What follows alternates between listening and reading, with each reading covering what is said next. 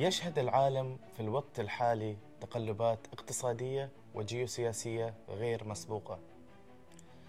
أصدرنا تقريرنا السنوي رقم 26 للرؤساء التنفيذيين.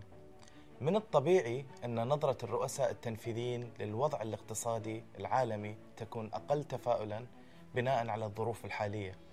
ولكن تصور الرؤساء التنفيذيين للمستقبل في منطقة الشرق الأوسط ترسم لنا صورة إيجابية.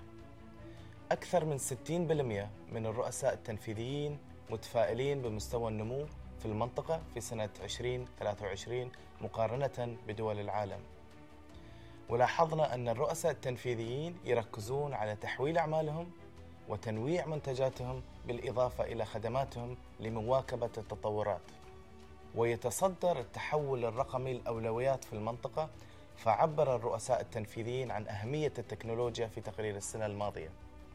ونتائج هذه السنة تبين المزيد من التقدم في مجال التحول الرقمي والاستثمارات في مجال الأتمتة.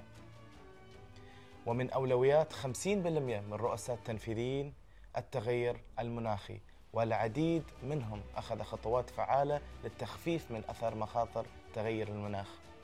وهذا بالتأكيد وبشكل كبير جدا يخدم أهداف مؤتمر كوب 28 الذي تستضيفه دولة الإمارات العربية المتحدة هاي السنة. جميع التفاصيل في التقرير المتوفر على موقعنا الإلكتروني.